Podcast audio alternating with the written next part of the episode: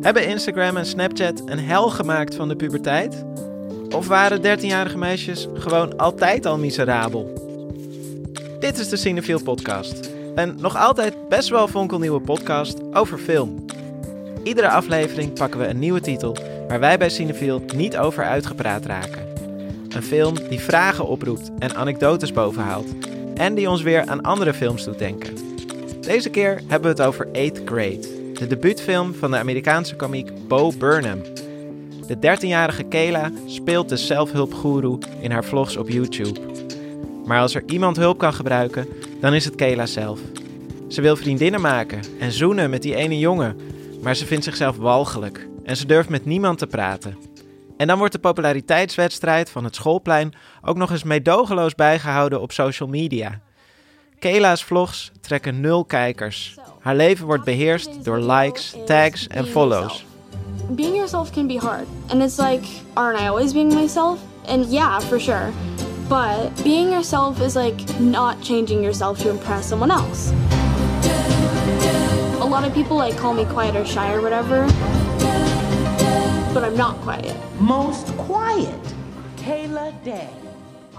Maar ondertussen zit ze ook met eeuwige puberproblemen als puistjes, tongen en ouders die er niks van snappen. I said one more week of eighth grade, right? Yeah. That's crazy. Yeah, huh? I can't believe you're going to be in high school. Mm-hmm. How did that happen? I don't know. We gaan het hebben over 8th grade. Mijn naam is Erik Schumacher. Ik ben redacteur bij Cinefiel en ik heb 199 volgers op Instagram. Ik zit hier met mijn collega's Lauren Murphy, 631 volgers op Instagram. En Maan Milker, 816 volgers op Instagram. Hoe doen jullie dat? Er zijn geen van alle 13 meer, maar de littekens zitten er nog. Lauren, welk beeld uit de film gaf jou onmiddellijk een flashback naar je eigen tienerjaren? Um, nou, ik, uh, ik, ze zaten er heel veel in. Maar de, degene waarbij ik echt door, me, door mijn stoel wilde zakken van schaamte en herkenning... was het moment dat uh, Kela is dus verliefd op een... Uh, nou ja, soort van de stud van de school. En als volwassen kijker denk je ook, is dit de stud van de school? Ja. Zo'n heel ielig klein jongetje van 13. Maar goed, die vindt ze helemaal te gek. En um, zij zoekt hem dan op op Instagram vanuit haar bed.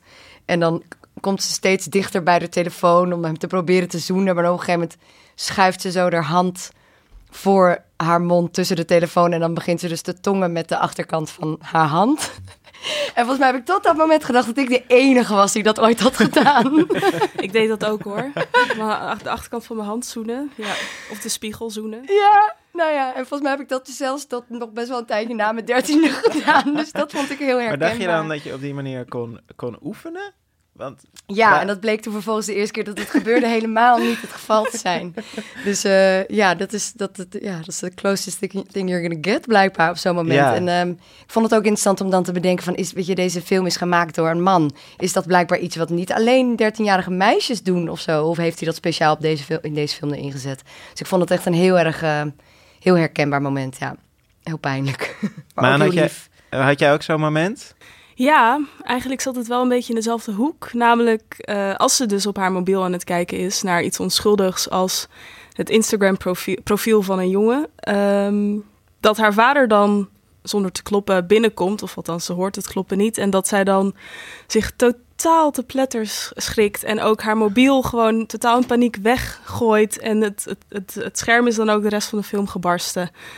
Um, terwijl ja, als je vanuit die vader denkt, dan denk je, waar heb je het eigenlijk over? Weet je wel, van het is helemaal niet iets om je voor te schamen op op iemands Instagram profiel te kijken. Maar ja, die vader maakt zich waarschijnlijk een heel andere voorstelling. Ja, precies. Die denkt dan gelijk was. dat je naar een of andere heftige porno-site aan het kijken bent. Maar juist een soort van dat, dat iets voor jou zelf heel heftig is. Terwijl als je er nu aan terugdenkt, dat je denkt, waar gaat het nou eigenlijk over?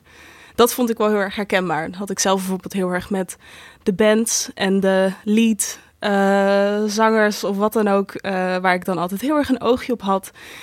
En als ik daar dan net wat te lang naar keek en mijn vader daar dan een opmerking over maakte van nou, die vind je wel aantrekkelijk, hè? Dat ik dan totaal gewoon woest werd van nee, dat kan je niet zeggen. Ik vind het verschrikkelijk. Terwijl ja, waar gaat het nou eigenlijk over, weet je wel? Ja, dus uh, dat vond ik wel herkenbaar.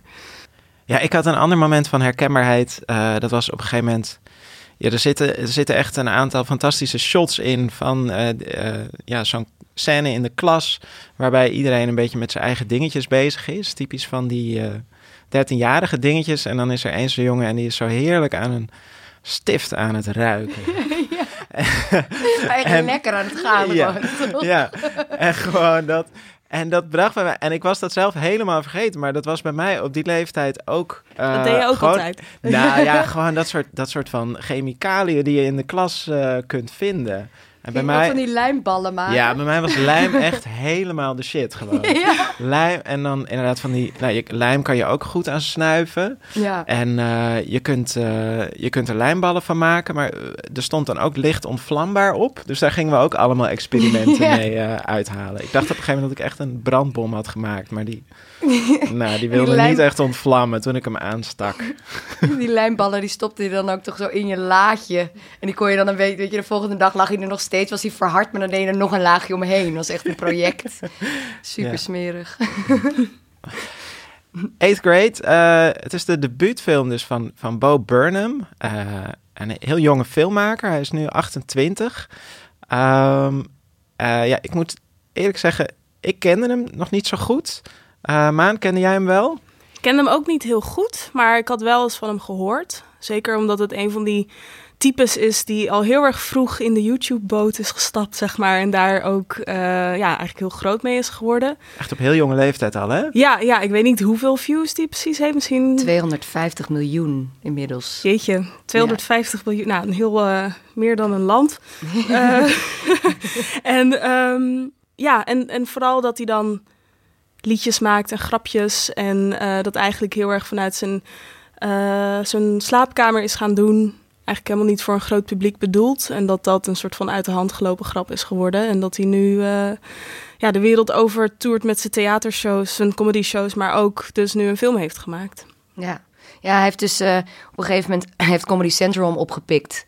En heeft hij een contract getekend voor vier eh, shows. Waarin hij heeft hij in 2016 zijn laatste gemaakt. Dus er komt er nog eentje aan. En eh, ja, die verkopen ook allemaal strak uit en zo. En het is een soort... eh, hij is een soort mix, ja... Is een soort van oldschool cabaret en een beetje die YouTube-cultuur. Dus het gaat ook wel heel erg... Hij, hij, hij- stelt heel erg zijn eigen onzekerheden tentoon. Hij is helemaal niet bang om dat aan te kaarten. Dus het gaat ook heel erg over... eh, nou ja, een soort van dat, dat hij zelf ook depressief is geweest. En, en dat je, hoe je daarmee om moet gaan. Maar tegelijk dat dat ook keihard op de hak nemen. Hij is enerzijds heel hard en heel zacht. Hij switcht ook heel erg tussen emoties of zo. Ehm, en ik las ook ergens dat hij zich heeft, eh, heel erg heeft laten beïnvloeden door Hans Theeuwen. Hans ja, wat je echt niet zou verwachten bij een Amerikaan. Maar hij heeft hem blijkbaar een keertje zien, eh, zien spelen op Fringe. En er was een interview met hem over, over zijn inspiraties. En zaten ook eh, Anthony Jeselnik en Bill Burr en allemaal grote Amerikaanse komieken bij. Maar ook Hans Theeuwen. En daar had hij dan wel bijgezet... Yeah, so this is the craziest guy I've ever seen. I bet you won't like it. Let's move on. Zo van, nou ja, in Amerika snapt waarschijnlijk helemaal niemand... eh, Nee, dat voelt volkomen exotisch. zo'n ja, en, maar ja. er zijn wel bepaalde dingen in zijn shows. Weet je sowieso dat hij, dit- hij is dus heel muzikaal. Hij werkt heel veel met muziek. Dat doet Hans Theo natuurlijk ook. En hij, hij is ook heel fysiek. Hij is ook best wel een lange gast. Hij gooit heel erg zijn, zijn lijf in de strijd soms. En hij switcht dus heel erg van poeslief naar heel boos. Ja, En dat doet Hans Theo natuurlijk ook. Ja, en dan doet wel, weet, weet je, doet wel Bo Burnham met iets minder extreem. Weet je, hij is wel een stuk politiek correcter. En dat is bij iedereen is bijna politiek correcter dan Hans Steeuwen. Maar eh, er is bijvoorbeeld één, één zo'n liedje dat heet Zakken Dik.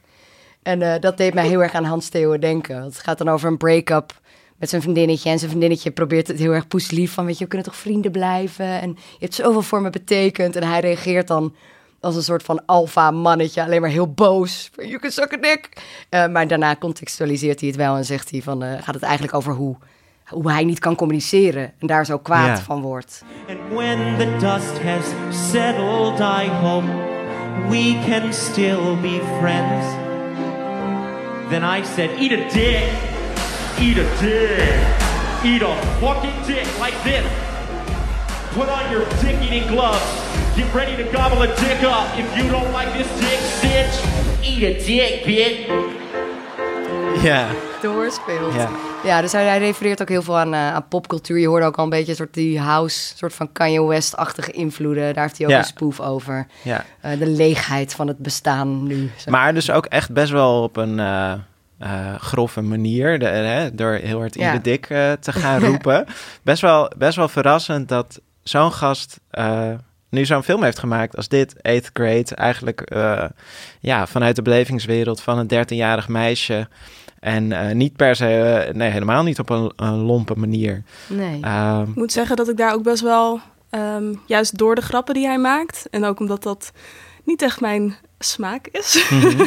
dat ik ook een beetje sceptisch eh, naar de film ging kijken. Maar dat ik eigenlijk heel erg positief verrast was.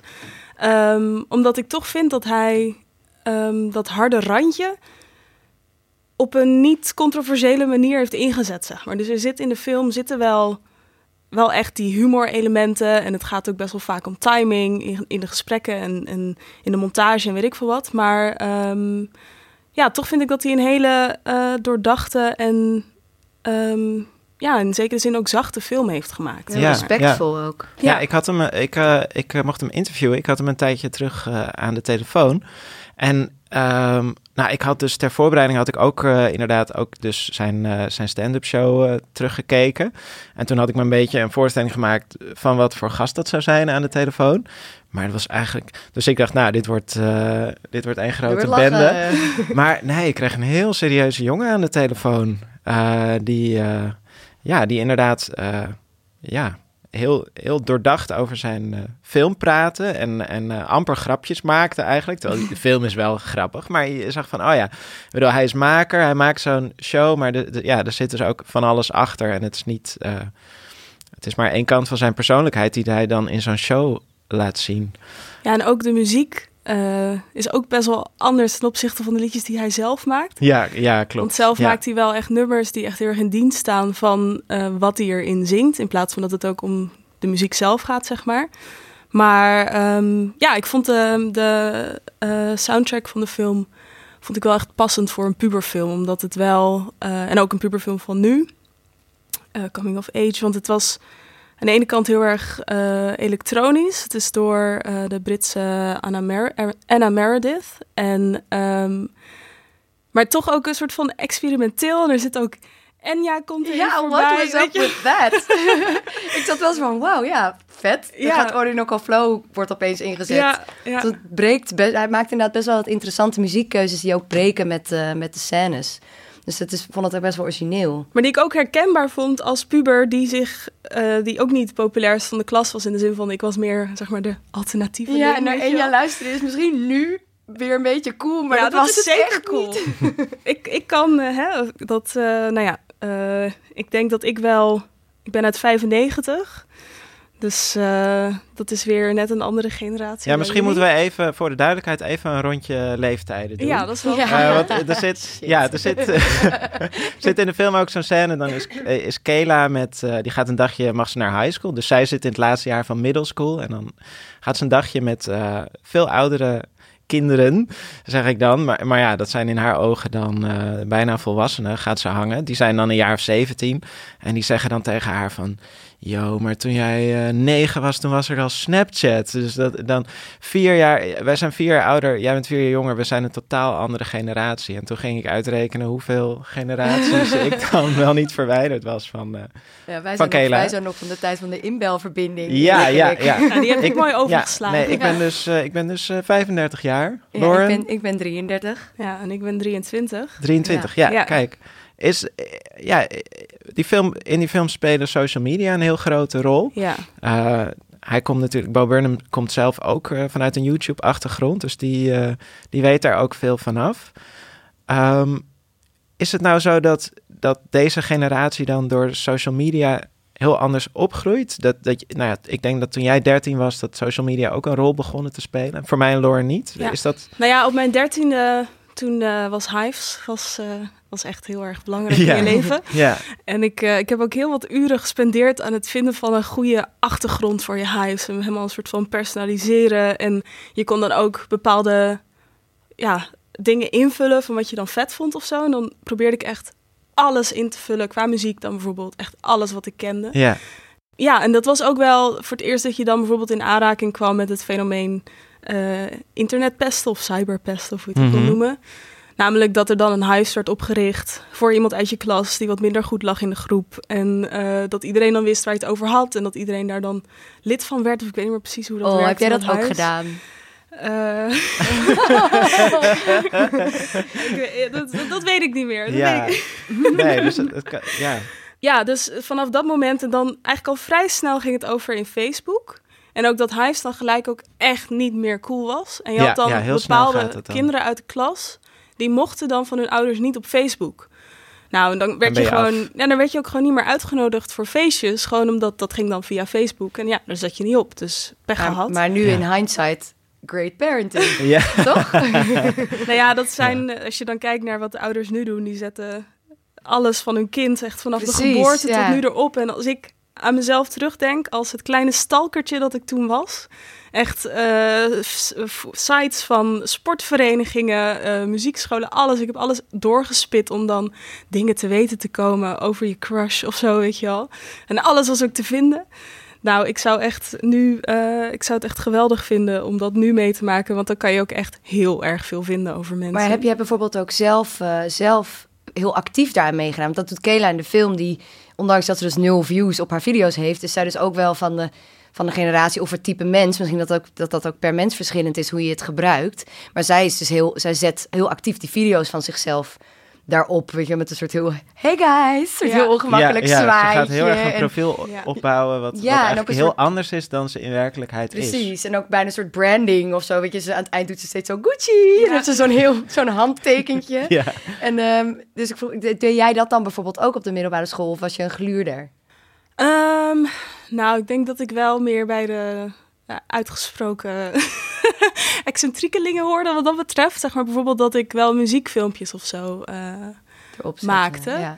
Zet je dan ook de hele tijd te kijken van heb ik al views? Heb ik al views? Ehm, nou, ik moet zeggen dat mijn dat muziekfil die muziekfilmpjes die eh, stonden op een ander account. En dat heb ik inderdaad wel echt heel erg vaak gerefreshed. Eh, maar dan had ik ook nog een geheim account, zeg maar.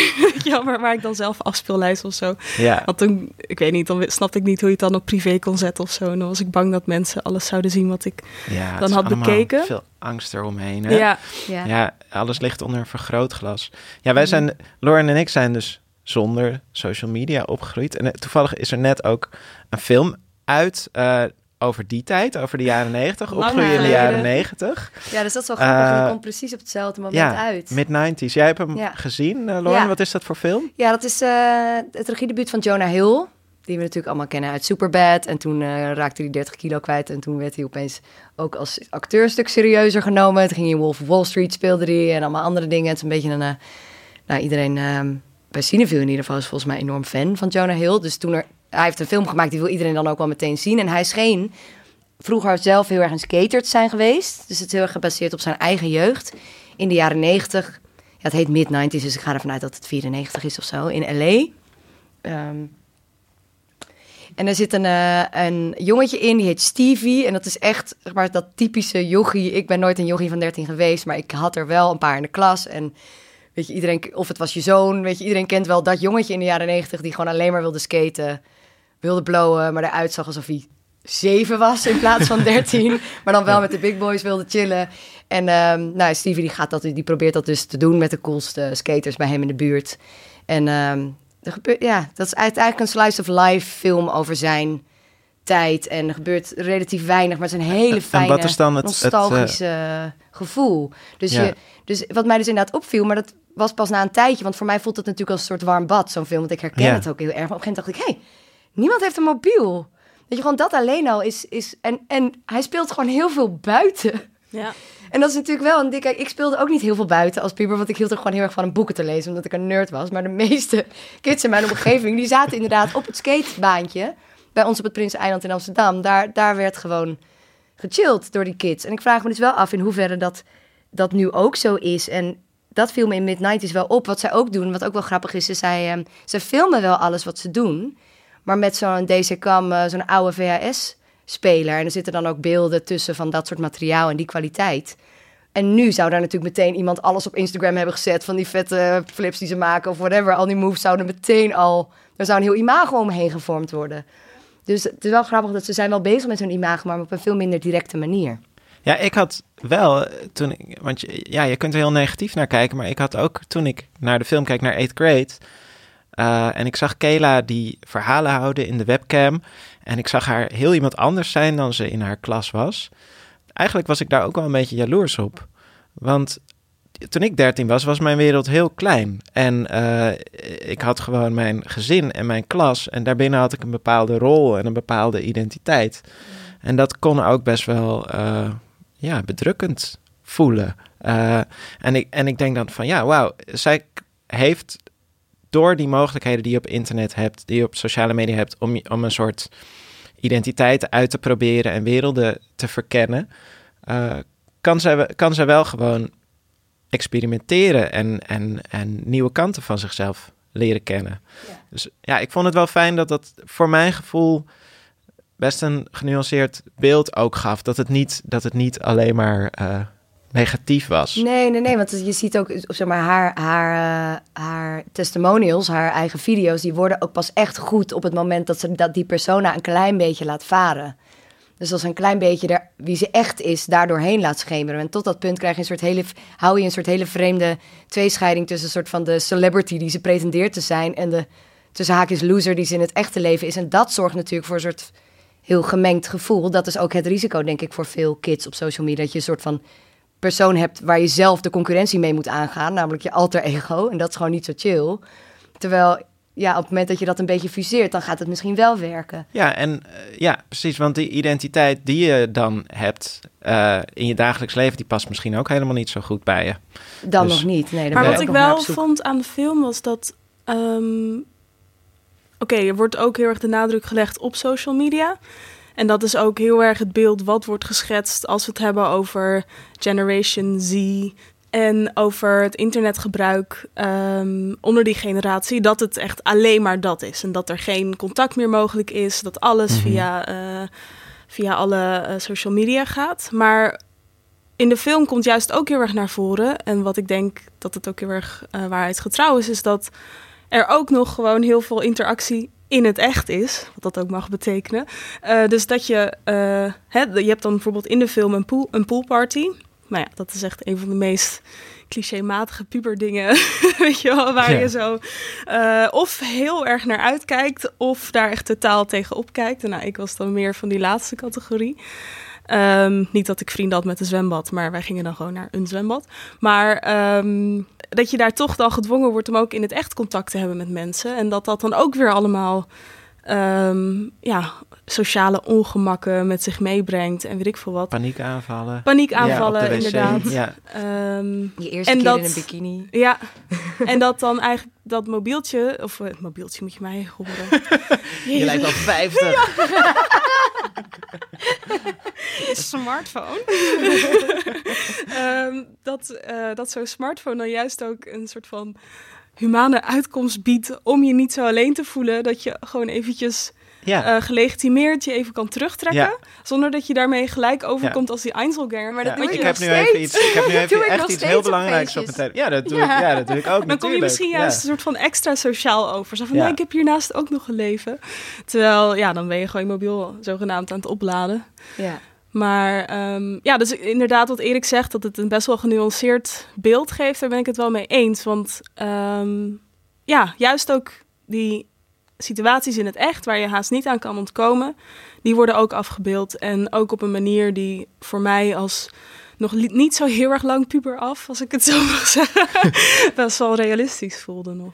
Laten we, het, laten we het even hebben over hoe andere films dat laten zien, uh, tieners en computers. Ik heb jullie gevraagd naar jullie favoriete computer kids uit de filmgeschiedenis. Ja. Uh, Maan, wat heb jij meegenomen? Um, ik heb uh, van de film uh, Me and You and Everyone We Know. Dat is een film uit 2005, dus was ik zelf tien. Hmm. Ik denk dat ik, ik... We hadden hem op DVD en uh, ik heb hem een keer op een vakantie meegehad met mijn portable DVD-speler. En toen echt heel erg vaak gezien. En dus dat moet nog wel op de basisschool geweest zijn. Dus ik denk ook dat ik hem rond die leeftijd heb gezien. En daar zit één uh, ja, nogal legendarische scène in. Um, het gaat over een gebroken gezin. Ouders zijn gescheiden, twee zoons. Eentje die puberleeftijd is en echt nog een jong kind. Die probeert het best van te maken, maar die zijn eigenlijk best wel vaak onbewaakt, zeg maar, om het zo te zeggen. En um, nou, die gaan een beetje experimenteren op de computer. Ehm, en ja, voordat je het weet zit je dan op een chatsite met een onbekende aan de andere kant. En eh, nou ja, dan heb je dus vrij spel. dus eh, ja, You think you're crazy? No, tell her like how I said it. No, she'll never write back, Robbie. We have to sound like we're a man, you know? That's just lame. It's stupid. You said I could do half, and you've done all of them before this. Okay, whatever. We're probably gonna get arrested. What do you want me to put? Like how I said it. I'll poop in your butthole, and then you will poop it back into my butt, and we will keep doing it Back back and forth and forth. with the same poop. Same poop. Forever. Ja. Zo aandoenlijk. Nou ja, wat ik zo mooi vind aan dit fragment is dat je hier heel erg mooi die ehm, tweedeling hoort tussen het kleine kind, wat echt totaal geen kwaad in de zin heeft en zich ook van geen kwaad bewust is. En aan de andere kant dat waarvan alle grote mensen denken dat het internet altijd is, namelijk een soort Ja. van eh, gevaarlijke anonieme chatpartner eh, die misschien opeens voor, eh, voor de stoep staat, eh, op de stoep staat en je kind komt ontvoeren. En de volwassen Ehm. vrouw aan de andere kant van de lijn, die wordt eigenlijk een beetje verliefd. Die wordt ge- Ja. gekletst, toch? Als ik me goed herinner. Ja, Ik denk, ja, dat die denkt, dit zie ik eh, wel Ja. zitten. Van, nou, oké, Ja, forever. Ja, Back and forth. Want het is niet een of andere eh vieze pedo in een achterkamertje. Het is een, een kunstcurator die eigenlijk best wel eenzaam is. Ja. En die ziet hier iets, eigenlijk iets heel moois in. Pooping back and forth. Wat is er romantischer? Ja. Ehm, ja, heel mooie film van, eh, van Miranda July. Ja. Eh, Lauren, wat heb jij meegenomen? Ja, ik ben even eh 35 jaar terug in de tijd gegaan. 33 jaar om precies te zijn, want het is een film uit mijn geboortejaar, 1985. Eh, Weird Science, we kennen hem denk ik allemaal wel. Eh, gaat over twee jongetjes, vriendjes. En ehm één daarvan is eh, nou, een van de echte eerste computergeeks, denk ik, in film. Dus die kan al hacken en dat is echt... eh, nou ja, ik was toen net geboren, dus ik had daar geen verstand van. Maar Ehm, het ziet er in ieder geval, als je terugkijkt, denk je van... nou, hij was er wel echt wel bij de pinken, was hij. En ehm, zij gaan dan een beetje à la Frankenstein... hebben ze bedacht dat ze een, eh, een digitale vrouw gaan maken. Want ze kunnen natuurlijk helemaal geen meisjes krijgen, dus... ze omdat het nerds zijn. dus eh, het is ook allemaal vrij klassiek Hollywood. Want de vrouw die ze maken is ook een soort stereotype bimbo. Weet je, ze hebben het eerst over van hoe groot moeten de borsten zijn. En eh, nou goed, ze maken die vrouw en dan door... ehm, ze, ze plakken elektrodes op een pop... En die connecten ze met zogenaamd de computer van de staat. Ja, Ja, daar gaan ze dan ook op de- inbreken. ja, de big Ja. government computer. Allemaal totaal onrealistisch. Ehm, en dan eh, bouwen ze een vrouw en die komt eruit. Die heet Lisa en die eh, maakt in eerste instantie hun leven een stuk leuker. Want ze komt aan in een Cadillac en ze kan allemaal dingen maken die er niet zijn. En ze krijgt opeens heel veel aandacht. Maar natuurlijk blijkt uiteindelijk dat ze veel eh, too much is for them to handle. Dus eh, dat gaat allemaal ontzettend mis. Maar dit is in ieder geval het moment waarop ze besluiten eh, om haar te gaan maken. Okay, look, you know how you're always talking about how you can simulate all that stuff in your computer? You know? What's the difference? Why can't we simulate a girl? I don't know. I I guess I could, but why? It's two dimensional on the screen. It's it's not flesh and blood, Gary. Well, I know that, but you know, we can we can use it. Why? We can ask it questions. We can we can put it in real life sexual situations and see how it reacts. Like real sick, demented shit. You'd love it. Well, what about your girl in um Canada? She was in Canada. This Girls no morals. You know, I don't I don't like that on a girl. I, it's rough having that kind of relationship. You'll see. Ja, dus eh, nou ja, er zit ook al in eh, natuurlijk een soort van de oneindige seksuele mogelijkheden van het web. of Ja. dat was het er nog Ja. niet, maar de computer. En eh, er komt hierna dan ook een scène waarin ze dat dus gaan maken. En het is zo heerlijk, jaren 80, 8-bit. Met allemaal zo access denied en een soort tunnel waar je in gaat. Ja, gewoon het, ja, het idee van zoiets toen, ook hoe dat verbeeld wordt, is echt heerlijk om naar te kijken. Ja, ik heb een eh, fragment uitgekozen uit een korte film. Of eigenlijk uit een eh, serie korte films. Een eh, webserie van eh Mea Dols de Jong. Die heet Netty Cat. En dat is uit, uit 2017. En dat zijn dus korte documentaires over ja, hoe 13-jarigen sociale media gebruiken. Ehm, en ja, er is dan één aflevering dat gaat dan over Vee en Ties. En die zijn op een koppelaccount op Instagram. Ja, ik wist ook niet dat dat bestond, maar ja, blijkbaar op Instagram heb je accounts en die zetten dan twee foto's van mensen naast elkaar die dan op dezelfde school zitten of zo. En dan gaat iedereen roepen, ja, ze zijn voor elkaar gemaakt. Of, of nee. nou, dus zij zijn gematcht op een koppelaccount en dan vinden ze elkaar misschien toch ook wel echt leuk. Daar gaan ze dan over nadenken. En dan eh, krijgen ze verkering op WhatsApp. En hoe ging het aan? Via WhatsApp. En toen zei ik echt zo van, hé, hey, ik vind je eigenlijk best wel een beetje leuk. En toen had ik zeg zo'n zo'n awkward smiley en zo'n rood hartje. En toen zei hij, ja, ik jou ook wel. En toen zei ik echt zo, wat nu? En eh, toen dacht ik aan mezelf, ja, wanneer gaat hij me nou vragen? En toen zei ik, nou, ik vraag dat. Zei ik, ja, wil je mis met me? Dat is echt heel awkward. En toen zei hij echt zo, ja. En toen hadden we, zeg maar, het was allemaal van die rode hartjes spam. En toen ging het over, ehm, ja, hoe, hoe gaan we elkaar in de bio zetten? Hoe gaan we elkaar in de bio zetten? Ja, want als je dan verkering hebt, dan, dan zet je elkaar op Instagram in je, in je bio. Oh ja? Ja, ja. Heb jij je verkering niet in je bio Nee. staan op Instagram? Maar mijn Oh. verkering zit niet eens op social media. Oh. nou, daar zou je als 13-jarige niet... Dan heb je een enorme relatiecrisis. Ja. Ik had dat ook toen, eh, ik had op de middelbare school een vriendje en toen gaven we dat dan aan op Facebook, dat je een relatie had. Toen hadden we een keer ruzie en toen had ik dat zeg maar omgezet naar geen relatie meer. Niet naar It's complicated. it's complicated, Nee, ja. nee, nee, ik was heel rigide erin, zeg maar. Ik was gelijk van nee, dit is klaar. En eh, toen had iemand die ik echt totaal niet goed kende, die had dat toen geliked. Oeh. En toen kwam de moeder van mijn toenmalig vriendje echt direct daarna was het weer aan. Maar die kwam toen naar mij toe zo van... Ja, hoe zit dat eigenlijk met die jongen? Ga je vreemd met hem? Zijn moeder had dat in de gaten. Ja, die zag dat dan. Dat is gewoon hele, hele intieme privacy issues. dat meteen. Oh, ja, wat ik vind, wat, ik, wat ik zo leuk vond aan dat netiquette is ehm, dat het allemaal zo ontzettend lief is. En, eh, en het gaat eigenlijk, ja, eh, toen ik die leeftijd was, toen ging dat met briefjes. En dan gaat het nu op WhatsApp met, eh, met hartjes spam. Maar het, uiteindelijk zijn die, zijn die kinderen gewoon nog steeds allemaal best wel voorzichtig met elkaar. En dat is voor mij heel erg eh, een contrast eigenlijk met hoe je dat vaak, eh, ja, de verhalen die je hoort over tieners en het internet en seks. En eh, nou ja, waar jij het ook net over had, de angst voor mensen, vieze oude mannen in Ja. chatbox. Ik, ik, ik, ik moest ook denken aan een, aan een Frans film van een paar jaar geleden. Bang Gang heette die. A Modern Love Story, als veelbetekenende ondertitel.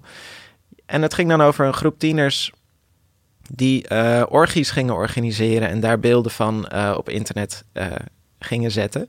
Nou was dat, het, het was een waar gebeurd verhaal. En dat gebeurt maar natuurlijk ook Het wel. gebeurt Ja. ook, maar de vraag is natuurlijk hoe representatief is dat? Ja, en, de en, lieve eh, kant wordt eigenlijk misschien niet vertoond of zo. ja, zijn, is, ontstaat er dan niet een te paniekerige stemming omheen? Ja. Eh, hoe, hoe vonden jullie 8th grade in dat kader? Ik vond dat het wel, ehm, ja, dat het dat paniekerige eigenlijk niet eh teweegbracht, zeg maar. Dat het Nee. juist wel een gerustste- geruststellende film was in die zin. Ja. Bijvoorbeeld, ze groeit op met alleen een vader. Ehm, en eh, ja, ze gebruikt eigenlijk YouTube voor de dingen die hij haar niet uitlegt of zo, weet je wel. Dus dan kijkt ze, zoekt ze een tutorial op naar eh, hoe moet ik me opmaken of weet ik veel wat. Of hoe- maar ook hoe moet ik iemand pijpen? Ja, precies. ja, hopelijk vertelt maar je is vader dat je zo erg niet. Nee, precies. Ja. Dan heeft- Dat is wel fijn dat Nee, dat maar kan. dan kom je toch Dat ook dat goed is. beslagen ten Ja. ijs? dat is waar, het is heel informatief. Ja. en maar verder wat ik heel schattig vond, is dat ze gewoon ook... Je ziet dan in beeld, dat is sowieso grappig, want, je, want het wordt dus niet ehm, vertoond met zo'n weet je, zo'n layer over een scherm heen... Dat je, dat je direct zeg maar, in haar scherm kijkt, maar je kijkt over haar, meestal over haar schouder met haar mee naar Ja. wat ze kijkt. En eh, dan zie je vooral bijvoorbeeld die bubble craze die een tijdje geleden was. wa- Was er opeens, kwam ik tegen dat heel veel kids dus nu helemaal geobsedeerd wordt door slijm. Ja, ja, om Want daar waar zo wij in ook door, waar wij zo. ook door geobsedeerd waren in groep 8. Alleen nu worden er dus door mensen helemaal Instagrams-accounts aangemaakt... waar dus alle soorten glitterslijm slijm en neon slijm worden gemaakt. En die hebben dan een miljoen volgers en die kids gaan daar super lekker op. En dat is gewoon waar ze zich mee bezighoudt. Dat vond ik heel aandoenlijk. Maar, dus helemaal ja. geen porno. Nee, en ook als ze, dat, sorry hoor, ja. als ze dan opzoeken van... ehm, ze zoekt dan op hoe je moet eh, pijpen. En dan zoekt ze niet op ehm, things that are shaped like a penis om op te oefenen. maar dan zoekt ze op things that are shaped like a banana. Ja. Nou, dat vond ik ook echt zo'n super, zo'n teken van hoe schattig ze eigenlijk is. Maar ze komt dan wel eh, op een gegeven moment in een nare situatie terecht eh, met, een, eh, met een jongen. Ehm, het, is, eh, ja, het, wordt, het wordt eigenlijk heel klein gehouden. Ehm, In real life. in real life, ja. Ja. precies. En dat is eigenlijk een situatie die eigenlijk eh, van alle tijden, die in alle tijden gebeurd had kunnen zijn. Hè? Ja, ja, helaas wel. Maar Ja. het is inderdaad, dat vond ik. ehm, als je bijvoorbeeld kijkt naar de vader, die achtervolgt haar. eh, ja, in het echte, ja, achtervolgen klinkt zo heftig, maar die houdt daar een beetje in de gaten. Mhm. Terwijl het internet houdt hij dan eh, minder in de gaten. Maar dus dan denk je misschien van tevoren van ja, maar hallo, misschien moet je ook eens meekijken op een mobiel, op het mobiel. Zeg ik het weer, mobieltje? Wat is er toch met mij? Ik zeg dat anders nooit. Smartphone. Ehm flipphone, hoe noem je dat? Ehm, ja, Kinderen eh, zes. GSM. eh, nou, nu ben ik de draad kwijt. Hij, die vader achtervolgt haar. Ja, en eh, dan denk je eerst, of tenminste, ik dacht eerst van misschien moet hij in plaats van haar naar het winkelcentrum volgen, moet hij een beetje haar mobiel gebruik in de gaten houden. Ehm, maar dan zie je toch dat in real life dat het toch aannemelijker is dat dat soort dingen gebeuren. Ehm, of tenminste in deze film. En dat vond ik er wel realistisch aan, want je moet dan ook weer niet denken dat, ja, dat er in het echte leven, weet je, dat je daar kinderen ook niet voor moet behoeden in die Ja. zin. Of En in die zin heeft hij het goed gedaan, want, want ze, ze weet zich wel te weren. En dat vond ik ook heel tof. Het loopt wel goed af, omdat ze wel gewoon heel goed nee zegt. Ja, wat, wat ik dus heel interessant vond, wat die Bo Burnham daarover zei toen ik hem sprak, toen ik hem daarnaar vroeg, is dat hij zei van ja, eh, dat is ook een verdienste van het internet juist. Eh, want hij zei, eh, er is, dankzij het internet is er een heel, hele conversatie op gang gekomen over consent, Mm. ehm, die juist het, het bewustzijn heeft vergroot Ja. waardoor je in zo'n situatie, waardoor je zo'n situatie misschien als 13-jarig meisje ook beter leert herkennen. Ja. En daarin beter je grenzen aan kunt geven. Dus ik vond het wel, ja, in ieder geval een interessante stelling. En het laat ook zien eh, dat hij helemaal niet per se naar internet en sociale media als iets negatiefs kijkt. Ook niet per se als iets positiefs. Hij ziet heel Het erg is er de, gewoon. Ja, het is gewoon, het is een nieuwe werkelijkheid. Hij ziet heel erg de voordelen en de nadelen. En hij ziet ook hoe dingen, hoe heel veel dingen ook gewoon hetzelfde zijn gebleven. Ja.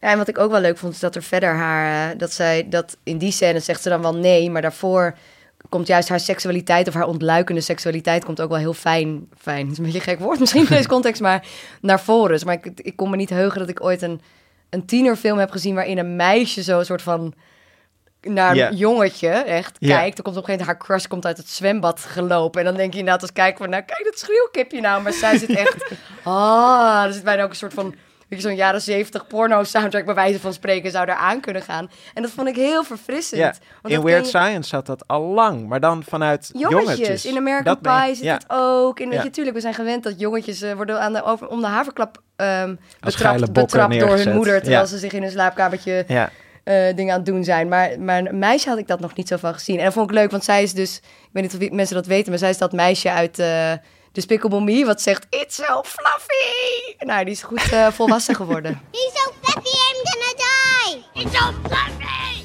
We doen even nog een rondje. Waar hebben we de komende... Waar kijken we naar uit de komende weken? Wat wordt er tof? Eh, Maan. Ehm, ik kijk heel erg uit naar de veertiende film alweer van Claire Denis, Franse filmmaker. En eh, de film heet High Life. En het is, eh, om nog eventjes op het puberthema te blijven... eh, onder andere met Robert Pattinson... waar iedereen van mijn generatie op zijn dertiende helemaal bij heeft lopen wegzwijmelen. Ehm, maar die is daarna, na Twilight en na Harry Potter... is hij meer de arthouse kant opgegaan. En... ehm, Um, ja, het is ook met uh, Andre 3000 van Outcast. Kan je ook op zwijmelen. Ja, ja, ja. en ja, het is een soort van, ja, hoe moet je het omschrijven? Een science fiction film uh, wat zich afspeelt in de ruimte. En ex of nou, gedetineerden uh, die levenslang hebben gekregen, die zitten daar op het ruimteschip om mee te doen aan een experiment.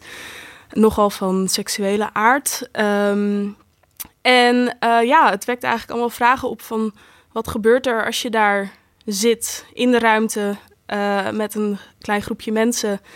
Ehm, wat gebeurt er als je misschien wel als enige overblijft en nooit meer terugkeert? Ehm, ja, dus ik kijk daar heel erg naar uit. Ik las ergens dat het werd beschreven als als je, als je de seks miste in 2001 of Interstellar, dan is dit een film voor jou. Ja, nee, zeker. Het is, eh, Claire Denis refereert eh, aan, een bepaald, aan een bepaalde setting in de film als de fuckbox. Dus, Ja, eh, maar heel opwindend wordt het niet, hè? Nou, ik vond het ik best vond wel. het ook eh, wel eh, Nou, dan heb Juliette ik iets Binoche, gemist. die eh, soort van met allemaal rillingen over haar lijf op een Ja, die soort van seks-eenhoorn zit, vind ik best wel sexy. Seks-eenhoorn. Lauren, jij, jij kondigde vorige keer aan dat je naar Berlijn ging. Je bent Ja. net terug. Heb je daar iets gezien waar wij simpele zielen die niet naar Berlijn mochten naar uit kunnen kijken? Ehm, ja, namelijk de nieuwe film van Sam de Jong. Die Prins heeft Hey. gemaakt een aantal jaar geleden. Ja, Eh, en ehm, tussendoor een aantal jaar in Amerika heeft gezeten. Want eh 20th Century Fox die had Prins gezien en zei... als die in het Engels was, dan hadden we hem gewild. Dus nu heeft hij een tweede film gemaakt...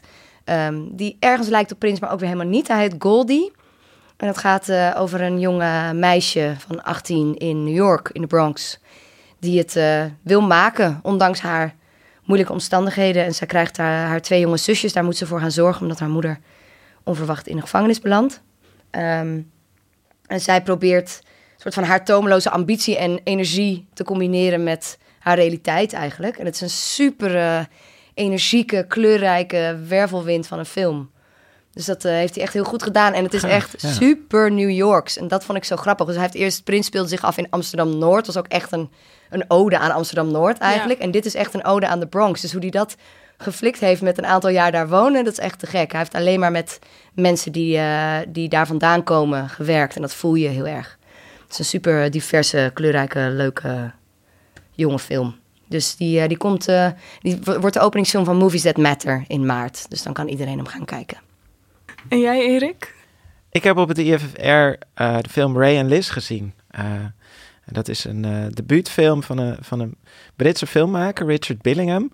Die is eigenlijk al wat ouder, want hij heeft daar al een carrière als fotograaf op zitten.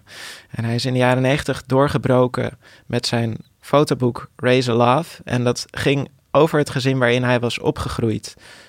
Wat best wel een moeilijk gezin is. Eh, zijn vader is alcoholist en eh, zijn moeder is een heel agressieve, driftige vrouw. En eigenlijk op basis van die, nou ja, van datzelfde gezin heeft hij nu een film gemaakt die eigenlijk, ja, als je dat fotoboek terugziet, dan is dat fotoboek tot leven gekomen. Het blijft dus heel dicht bij zijn eigen jeugd. En dat is op papier een moeilijke jeugd. En hij zal, dat zal vast voor hem ook. eh, dat zal zijn sporen hebben nagelaten. Maar het is ook gewoon een ontzettend grappige film. En je gaat lachen om dingen waar je eh, van tevoren niet zou denken dat je daarom zou lachen. Ik bedoel, die agressieve moeder die begint op een gegeven moment zijn oom in elkaar te rammen. En hij brengt dat gewoon heel erg grappig in beeld. Dus Ja. dat is heel bijzonder dat hij daar met die afstand naar kan kijken. Was jij de enige die lachte in de zaal? Nee, nee, nee. Het was echt. Nee, het is duidelijk. Nou, eh, zie jij maar eens een eh, strak gezicht te houden bij deze film. Dat is de eerste helft. En in de tweede helft sluipt de tragiek erin. En ja, wordt het heel, heel ontroerend. En het voelt heel echt. Ja, dus, eh, echt een. eh, ja, ik vond echt een heel mooie film. 28 februari gaat hij overal draaien in Cineviel. Top. Oh, mag ik, en ik wil nog een tipje geven voor de mensen die, eh, die erin geïnteresseerd zijn. Als je 8th Grade hebt gezien, er is een hele leuke podcast van A24, de distributeur van 8th Grade, met Elsie Fisher, die de hoofdrol speelt in gesprek met Molly Ringwald. Zeg maar het tiener-idool. Van al die John Hughes films. Ja, Breakfast Weird Club, Science is ook van 16 John Candles. Hughes. Ja, precies. Dus zij, gaat dan, zij gaan met elkaar in gesprek over hoe het is om de hoofdrol te spelen in een tienerfilm. Het is echt heel aandoenlijk. Leuk. 8th Grade draait vanaf 21 februari overal in Cinefiel. En met je Cinefiel pas kun je zo vaak gaan als je wilt. Over drie weken zijn we er weer. En dan is het feest, want Cinefiel bestaat 10 jaar. Ja, joepie! We gaan het hebben over onze favoriete films van die laatste 10 jaar. Dit was de Cinefiel podcast voor deze keer. Dankjewel voor het luisteren. Dankjewel Maan en Lauren. En dankjewel aan Lieke Malcor van Dag en Nacht Media en distributeur Cinemien. Gucci! Gucci! Vet.